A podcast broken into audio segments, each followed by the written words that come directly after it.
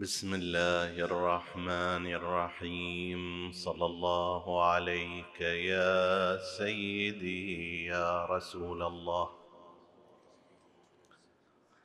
صلى الله عليك وعلى ابن عمك أمير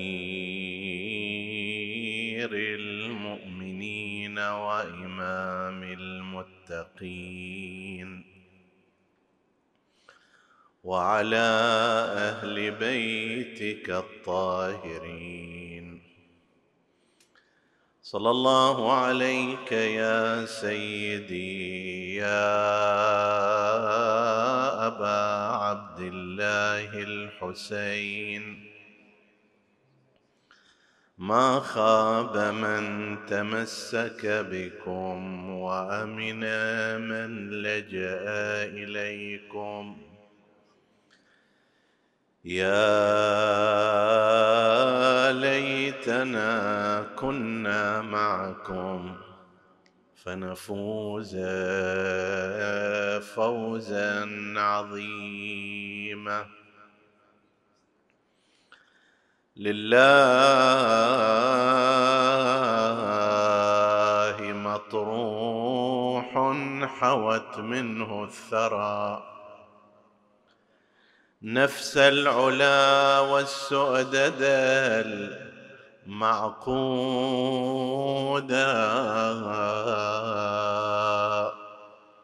ومجرح ما غيرت منه القنا حسنا. ولا أخلقن منه جديدا. ومبدد الأوصال ألزم حزنه. شمل الكمال فلازم التبديدا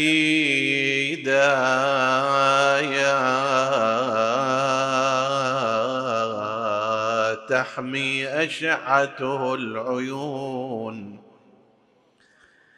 فكلما حاولنا نهجا خلنه مسدودا يا وتظل شجر القنا حتى أبت إرسال هاجرة إليه بريدا يا وثواكل بالنوح تسعد مثلها. أرأيت ذا ثكل يكون سعيدا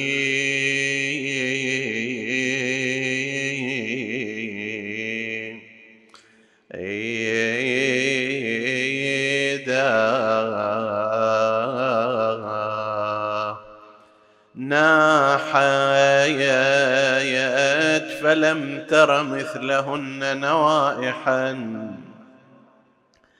إذ ليس مثل فقيدهن فقيدا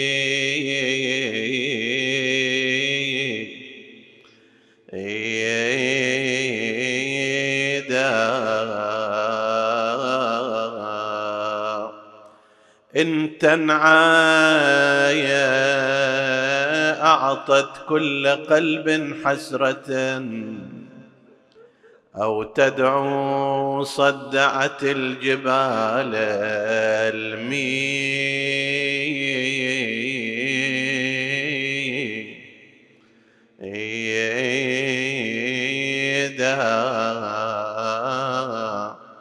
وغدت أسيرة خدرها يا ابنة فاطمة.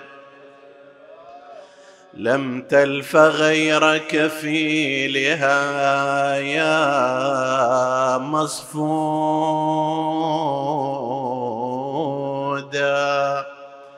ناديت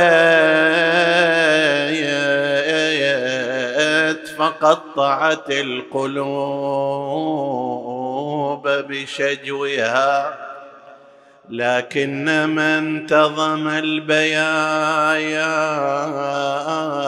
فري إنسان عيني يا حسين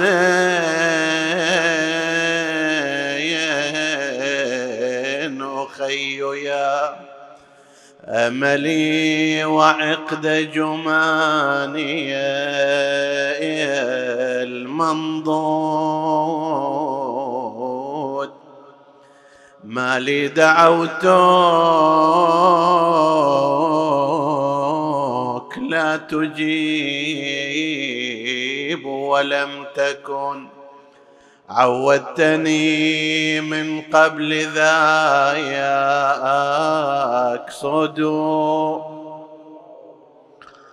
ألمحنة شغلتك عني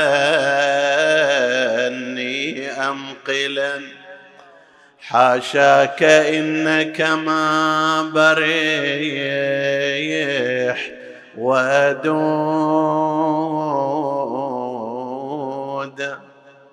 لكنما الأمر لله. لا حول ولا قوة إلا بالله العلي العظيم. إنا لله وإنا إليه راجعون. وسيعلم الذين ظلموا اي منقلب ينقلبون. والعاقبة للمتقين. عطروا مجالسكم بذكر محمد وآل محمد.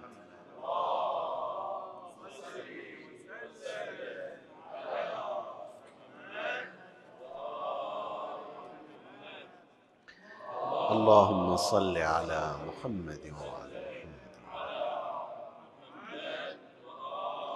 اللهم صل على محمد.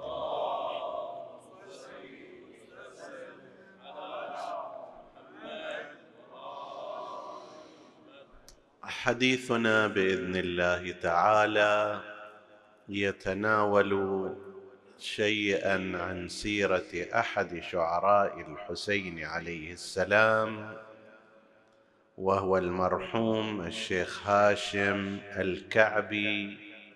المتوفى سنة ألف ومئتين وواحد وثلاثين للهجرة. يعني ما يزيد عن مئتي سنة من الزمان كانت وفاته رضوان الله تعالى عليه.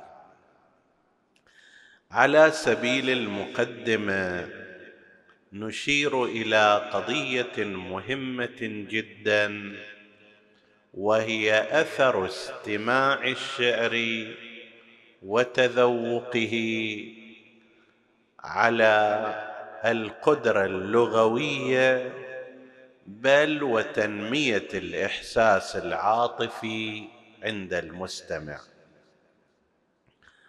في حديث سابق ذكرنا أن الشعر بما هو مذموم. لما ورد في القرآن الكريم والشعراء يتبعهم الغاوون ألم تر أنهم في كل واد يهيمون وأنهم يقولون ما لا يفعلون إلا الذين آمنوا. فأصل الشعر لأنه في الغالب لم يكن هادفا في تلك الأزمنة إما حديث عن غزل مثلا ووصف النساء وما شابه ذلك أو كانوا يفتخرون من خلال الأشعار.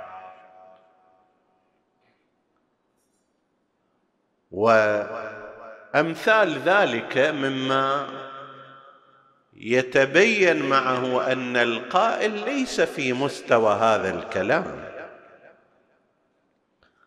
وهذا بالذات في أيام الجاهلية والقبائل وافتخاراتها كان حسب التعبير يعني يعطي من هالصفات بلا حساب وهي كاذبة في الغالب.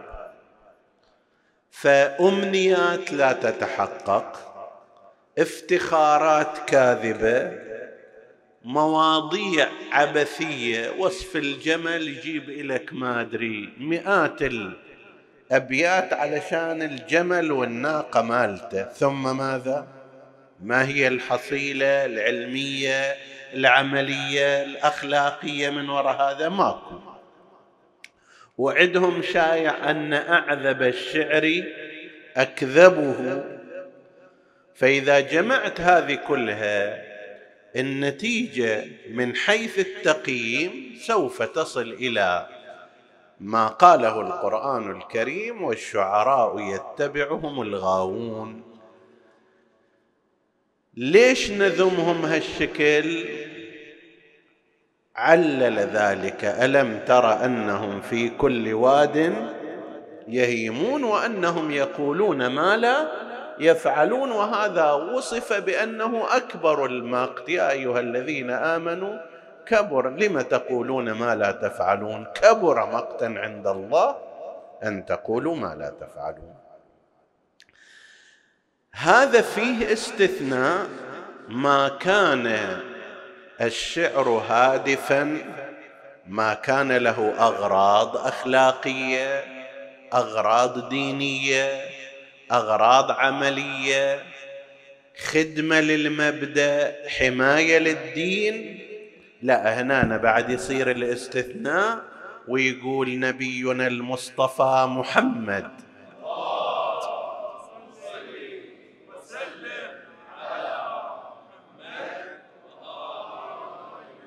لحسان ابن ثابت قل فإنك لكانك تنضحهم بالنبل.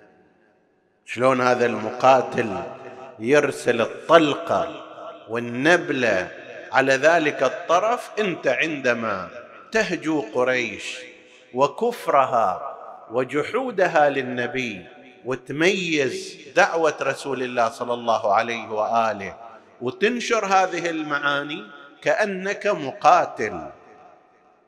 وبالفعل هذا الشكل. يعني انت تشوف إلى اليوم لما حسان ابن ثابت أنشد في الغدير يناديهم يوم الغدير نبيهم بخم وأكرم بالنبي منادية. إلى اليوم تصير هذا دليل من الأدلة أنه قضية الغدير ثابتة والشاهد على ذلك ماذا؟ أنه أنشد في حينها شاعر النبي حسان هذه القصيدة وذكرها. صارت تحولت مو فقط من بيت شعر إنما تحولت إلى دليل في العقائد يثبت قضية تاريخية طيب ويجي أحاديث أهل البيت عليهم السلام من قال فينا بيت شعر فأبكى عشرين فله الجنة فأبكى خمسين فله الجنة وهكذا ليش؟ لأن هذه الأبيات الشعرية تحفظ قضية الحسين عليه السلام وتثبت المعاني التي قالها الإمام الحسين عليه السلام وأهل البيت. فإذا الشعر هذا مستثنى من تلك الكلمات التي تذم الشعراء لاختلاف أغراض ومقاصد هذا الشعر الهادف المبدئي الرسالي الديني الأخلاقي عن تلك الأغراض الشعرية الباطلة والتافهة والخيالية والكاذبة. طيب. بل أكثر من هذا نحن نشير إلى نقطة هنا هذه الليلة وهي أن استماع الشعر الولائي استماع الشعر الحسيني وهذه من ميزات مجتمعات شيعة أهل البيت عليهم السلام. هذا ما موجود في أي مكان آخر عند المسلمين. أن الواحد منهم تقريبا من عمر عشر سنوات إلى عمر سبعين وثمانين سنة وهو يستمع بشكل سنوي إلى عشرات القصائد التي قيلت في حق أهل البيت عليهم السلام. ولو أنت تحسب مثلا كم من أبيات الشعر أنت كشخص كم من أبيات الشعر تسمعها في السنة؟ تجد شيئا عظيما جدا وهائلا. اضرب هذا في عمرك. الله يطول عمرك إن شاء الله في خير وعافية وأمن وإيمان. زين. فأنت راح تشوف نفسك مستمع لأشعار في غاية القوة والفخامة وذات معاني كبيرة على مدى خمسين سنة ستين سنة.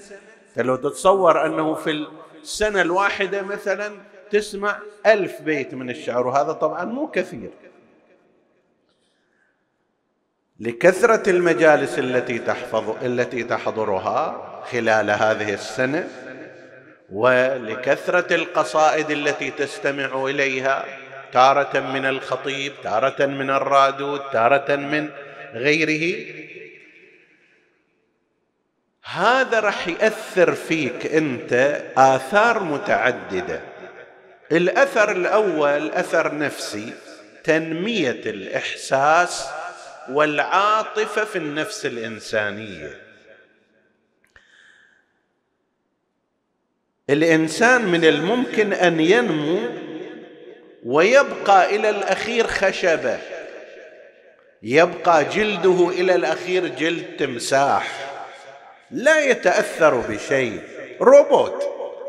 أحد أشكال الروبوت ولكن هذا فيه درجة حرارة وفي ما أدري أمراض وفي كذا لكن في عواطفه في جانبه ال جانب الإحساسات المشاعر يبقى حديدا وهذا بالنسبة لكثير من المسلمين موجود. ما عنده مشاعر ما عنده عواطف في هذا الجانب. ما في شيء ينمي عاطفته. الحزن بالنسبة إليه قاموس غير موجود. البكاء أصلا هذا بعيد لأن خصوصا بعض الناس المتأثرين بالثقافة البدوية الجاهلية يقولون البكاء مو للرجل أصلا. إذا رجل بكى هذا مو رجل بكاء للنساء. بالفعل هذا التمثال ولكن عينه تتحرك. خشبه ولكن قلبه ينبض طيب. يحتاج الإنسان أن ينمي جانب العاطفة جانب الإحساس جانب المشاعر حتى يكون انسانا كاملا. وهذا فرقه عن الجمادات.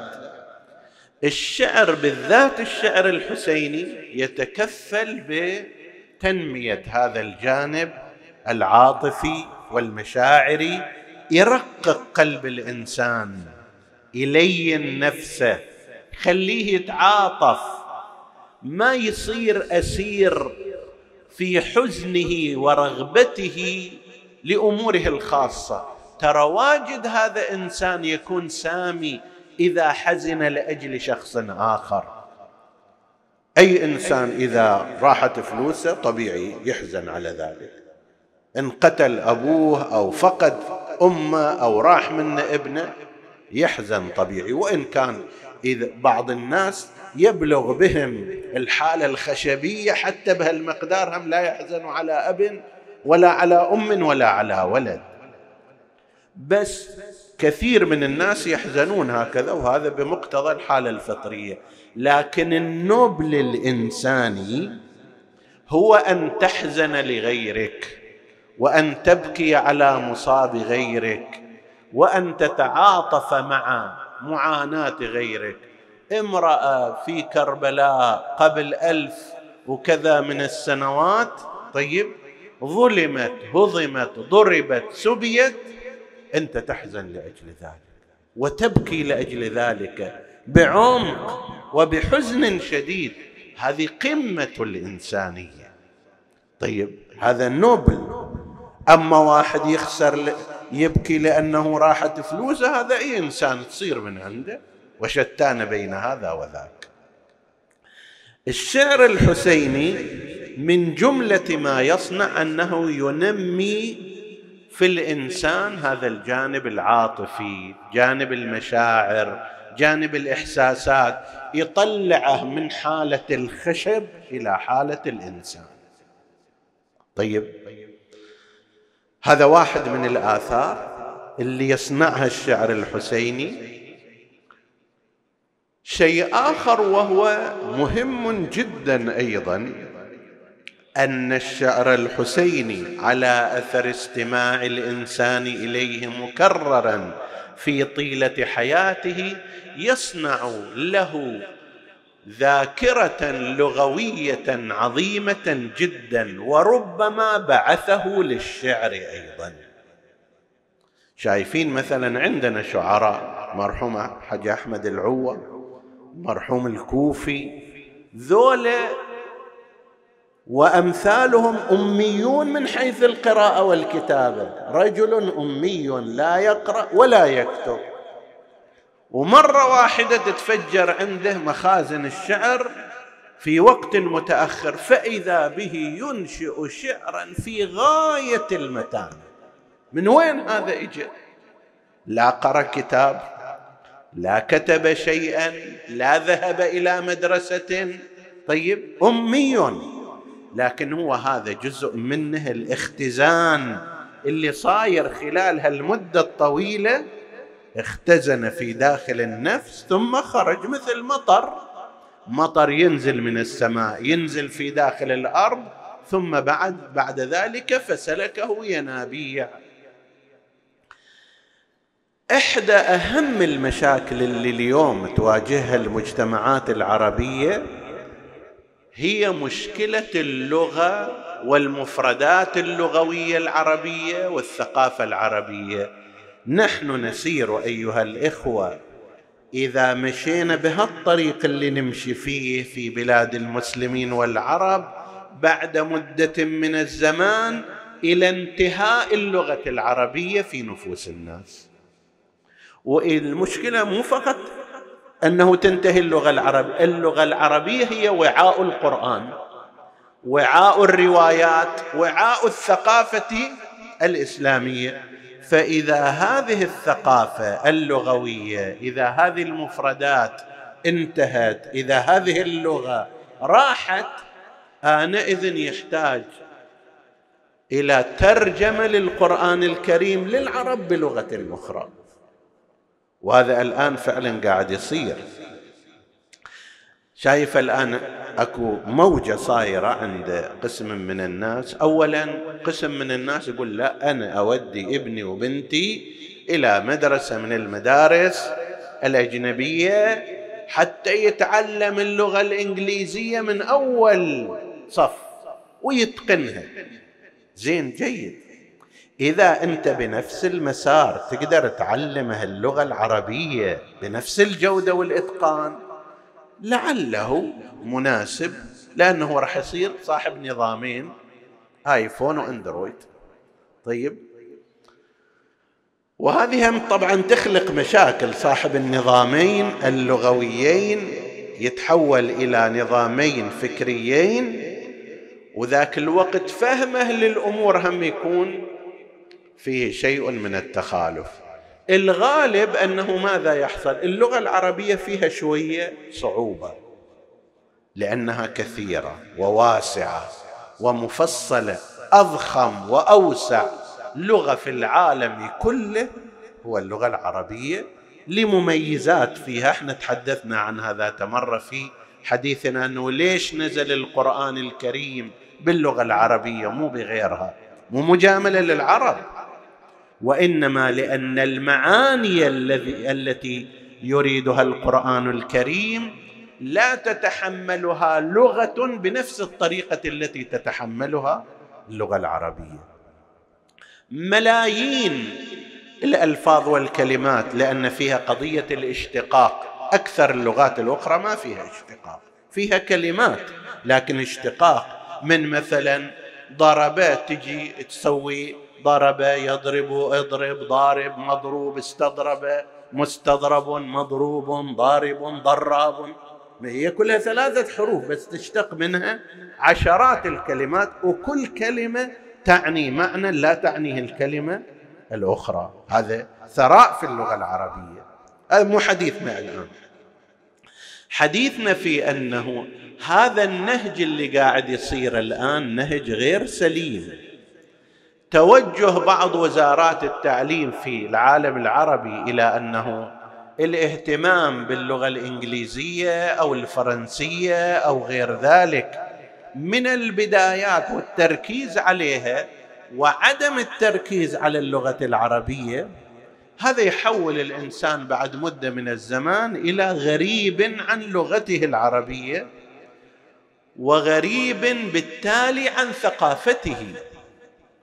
لا سيما كما قلنا أن اللغات الأخرى إما لأنها أسهل وأضيق من حدد من حيث المفردات أو لأنها هي اللغة العامة السائدة في العالم اليوم. فطبيعي راح يميل اليه شفنا أناس ولعلكم رأيتم يريد يشرح فكرة ما يقدر يشرحها باللغة العربية فيستعين باللغة الإنجليزية حتى يشرح حكاية مع واحد عربي. هذا في داخل البلدان العربية. دع عنك الجاليات. في الجاليات في الخارج الأمر جدا أكبر من هذا كما رأينا يعني عندما زرناه. الشعر العربي فائدته الشعر الحسيني الذي يقرأ في المجالس من فوائده أنه يطبع الإنسان على المعرفة في اللغة العربية ويجعل حصيلته اللغوية حصيلة واسعة جدا. تدرون الدول الخارجية إيش قد تشتغل على هالموضوع؟ أندونيسيا أكبر بلد مسلم. تحدثنا عنها في شهر محرم أيام عشرة محرم. أكبر بلد مسلم من حيث عدد السكان. طيب مساحة سكانا رابع بلد في العالم من حيث عدد السكان. لما إجوا الهولنديون واحتلوا أندونيسيا في فترة من فترات التاريخ اشتغلوا بشكل كبير على أن يغيروا الحروف للغة الأندونيسية من كونها عربية إلى الحرف اللاتيني وفعلا نجحوا بذلك. في السابق كانت في إندونيسيا نفس اللغة مالتهم بس تكتب بحروف عربية مثل الفارسية إلى الآن موجود هذا فارسية لغة خاصة ولكن تكتب بحروف عربية. إجوا الهولنديون غيروا هذا وسووها بحروف لاتينية مثل ما سووا في تركيا العلمانيون. اللغة التركية هي لغة خاصة بهم ولكن كانت تكتب بحروف عربية لما جاء مصطفى كمال أتاتورك وهالجماعة العلمانيون غيروا فصارت تكتب بالحروف اللاتينية. فهؤلاء غيروا. الفرنسيون عندما جاءوا في المغرب العربي فرضوا اللغة الفرنسية وأبعد سياسة الفرنسة وابعدوا اللغة العربية. وإلى الآن آثارها إلى الآن أكثر الناس هناك يتعاملون مع اللغة الفرنسية أسهل مما يتعاملون مع اللغة العربية وبالنسبة إلى البريطانيين والأمريكيين عندما جاءوا إلى الشرق الأوسط أيضا اشتغلوا على هذا كثير. الشاهد أن الشعر الحسيني عندما يقرأ ويتلى خلال هذه المدة الطويلة من الزمان ويصافح سمعك عشرات القصائد مئات القصائد آلاف الأبيات على مدى سنوات متعددة. انت بعد تألف اللغة العربية حصيلتك اللغوية تكون حصيلة كبيرة. وإذا صار هذا فهمك للثقافة الإسلامية فهمك للقرآن سيكون أفضل لأنه القرآن هو في هذه اللغة وفي ضمن جوها. وهذا من فوائد الإنشاد للشعر الحسيني في مجتمعات تتبع أهل البيت عليهم السلام. كما قلت هذا ما موجود في غير المجتمع الشيعي. ما في مناسبة لتتلى هذه الأشعار بهذا الحجم وبهذه الكمية وبهذا الاستمرار وعلى كل الناس. وهذا حديث يطول. نرجع إلى حديثنا عن المرحوم الشيخ هاشم الكعبي المتوفى سنة 1231 هجرية هو من قبيلة كعب من المنطقة الجنوبية من إيران المنطقة العربية. هناك قبيلة قبيلة بني كعب بين البصرة وبين المنطقة الجنوبية في إيران الأهواز والفلاحية وغير. هالمناطق هذه الحويزة. هؤلاء كانوا حكام لهالمناطق قبل حوالي 200 سنة يعني من سنة 1730 ميلادية إلى 1932 200 سنة كانت هذه المنطقة محكومة بعشائر بني كعب. كان عندهم حكم خاص بهم وولايات. شلون الآن في الخليج أكو إمارات وأكو دويلات صغيرة. أيضا في ذلك الوقت وعلى مدة مئتين سنة كانت عشيرة بني كعب تحكم هذه المنطقة بعد ما صارت أحداث في إيران المركزية ونادر شاه في إيران مات. كان نادر شاه هو الرجل الأقوى فمات بعد ذلك. فانفرط عقد إيران فاستقل هؤلاء وأخذوا منطقتهم وحكموا بأنفسهم آه، هذه المنطقة وتواردوا عليها سنة بعد سنة إلى 200 سنة إلى 1932 اللي بتعاون البريطانيين مع السلطة في ذلك الوقت.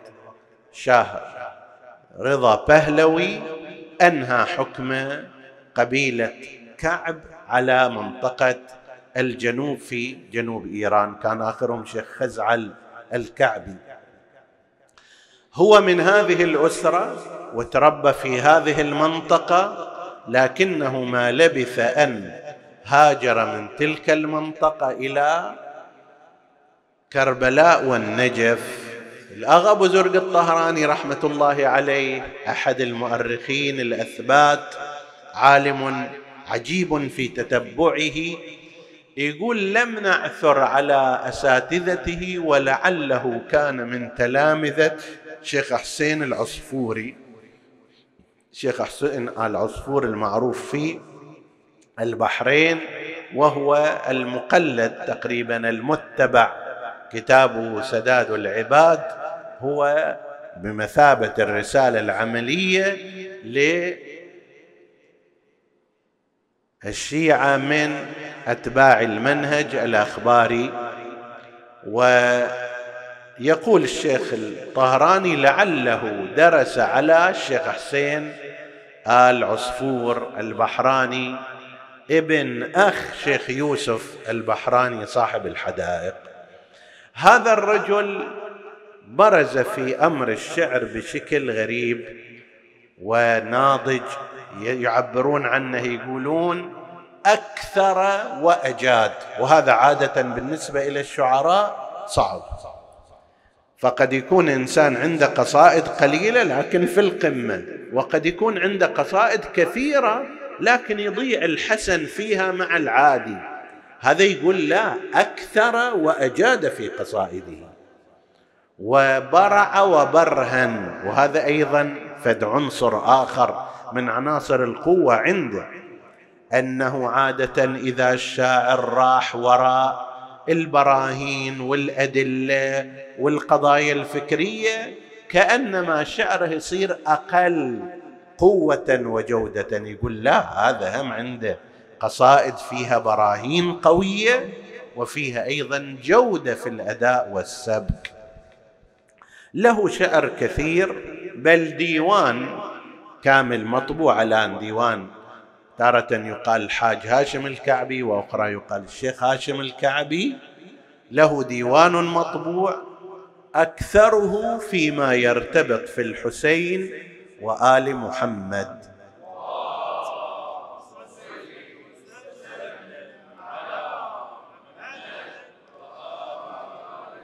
وهنيئا له هذه التجارة يعني الآن كما قلت هي 1231 سنة وفاته إحنا الآن 1443 يعني 212 سنة.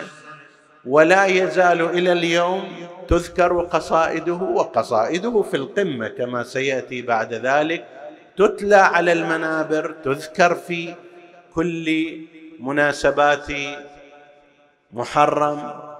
لجودتها وقوتها. إحنا طبعا ما نقدر نستشهد بكل قصائده لا سيما بعض قصائده فيها 130 بيت مثل هذه القصيدة التي قرأناها في أول المجلس. لله مطروح حوت منه الثرى نفس العلا والسؤدد المعقودة ومجرح ما غيرت منه القنا حسنا ولا أخلقن منه جديدا. هذه المعروفة والتي تقرأ وأنتم رأيتم أنه في الأثناء كيف كنتم تحفظون بعض أبياتها هذه في الأصل يقرأ مطلعها أرأيت كيف تحملتك القوده من كان منا المثقل المجهود 130 بيت. أول شيء بدأ فيها على طريقة الشعراء الجاهليين في البداية وصف الأطلال وصف المنازل الخالية وما شابه ذلك ثم يأتي على ذكر فضائل ومناقب أمير المؤمنين عليه السلام فيوسعها بحثا بحيث لو أن انسانا أخذ هذه الأبيات اللي قالها في شأن أمير المؤمنين بس شرحها وشرح ما فيها يصير هذا كتاب من الكتب في فضل مناقب و سيرة أمير المؤمنين. سلام الله عليه. وبشعر قوي وناضج. بعدين ينزل على موضوع كربلاء بقوله لله مطروح حوت منه الثرى ثم يروح على قضية السبايا وزينب ومعاناتها وما شابه ذلك في مئة وثلاثين بيتا من غرر البيوت. من غرر أبيات الشعر وقصائده. عنده أيضا غير هذه القصيدة من القصائد المشهورة الكثير منها الشعر اللي عادة يكرر تالله ما سيف شمر نال منك ولا يدا سنان وإن جل الذي ارتكبوا. خاطب الحسين عليه السلام. يقول الحقيقة أنت مو اللي قتلك شمر ولا يدا سنان وإن جل الذي ارتكبوا وإنما منه أولئك الذين غصبوا حق المرتضى وأبوا عقد الولاء وحق المرتضى غصبوا بعدين يقول كف بها أمك الزهراء قد ضربوا هي التي أختك الحوراء بها سلبوا إنما كان سلب زينب عليها السلام يوم ضربت فاطمة الزهراء سلام الله عليها. نفس اليد ونفس الجهة ونفس الضربة هي انتقلت عبر هذه الاماكن وهكذا يستمر في مثل هذا المعنى.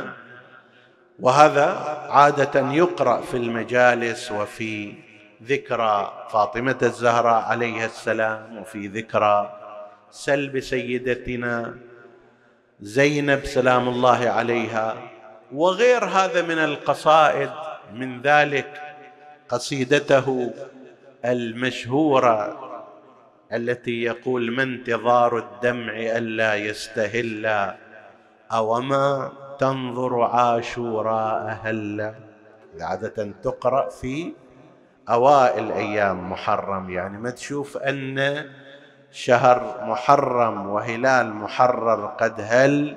شنو اللي صاير؟ يقول كيف لا تحزن في شهر به؟ أصبحت فاطمة الزهراء ثكلى. كيفما تحزن في شهر به؟ أصبحت آل رسول الله قتلى. كيفما تحزن في شهر به؟ ألبس الإسلام ثوبا ليس يبلى ذلا ليس يبلى. كيفما تحزن في شهر به؟ رأس خير الخلق في رمح معلى. وهكذا يستمر في مثل هذه القصيدة غير أن الأبيات التي قيل أن الشيخ هاشم رأى فيها فاطمة الزهراء عليها السلام وهي التي وصفت له الحالة هي التي عبرت عنها زيارة الناحية وهويت إلى الأرض صريعا.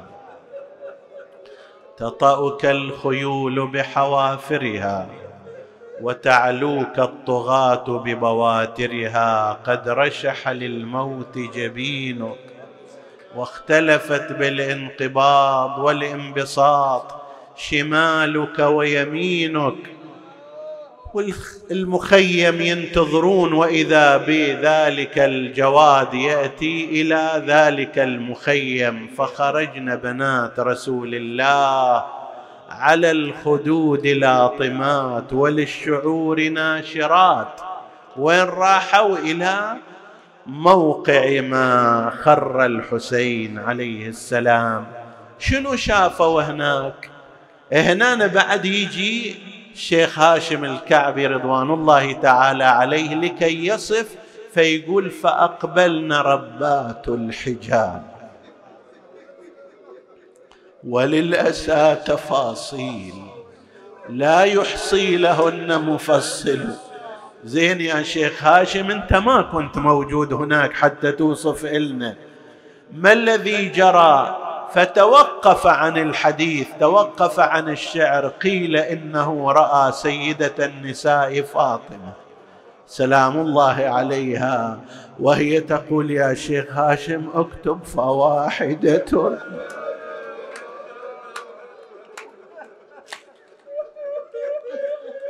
فواحدة تحنو عليه تضمه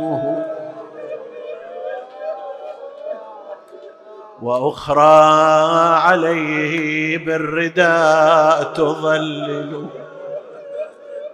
ليش تظللين بالرداء؟ آخر عطش وجراحات والشمس محرقة. وأخرى عليه بالرداء تظلل. وأخرى بفيض النحر تصبغ شعرها. وأخرى تفديه وأخرى تقبل وأخرى على خوف تلوذ بجنبه وأخرى لما قد نالها ليس تعقل. يا شيخ وين زينب هنا؟ واحدة واحدة. زينب وين؟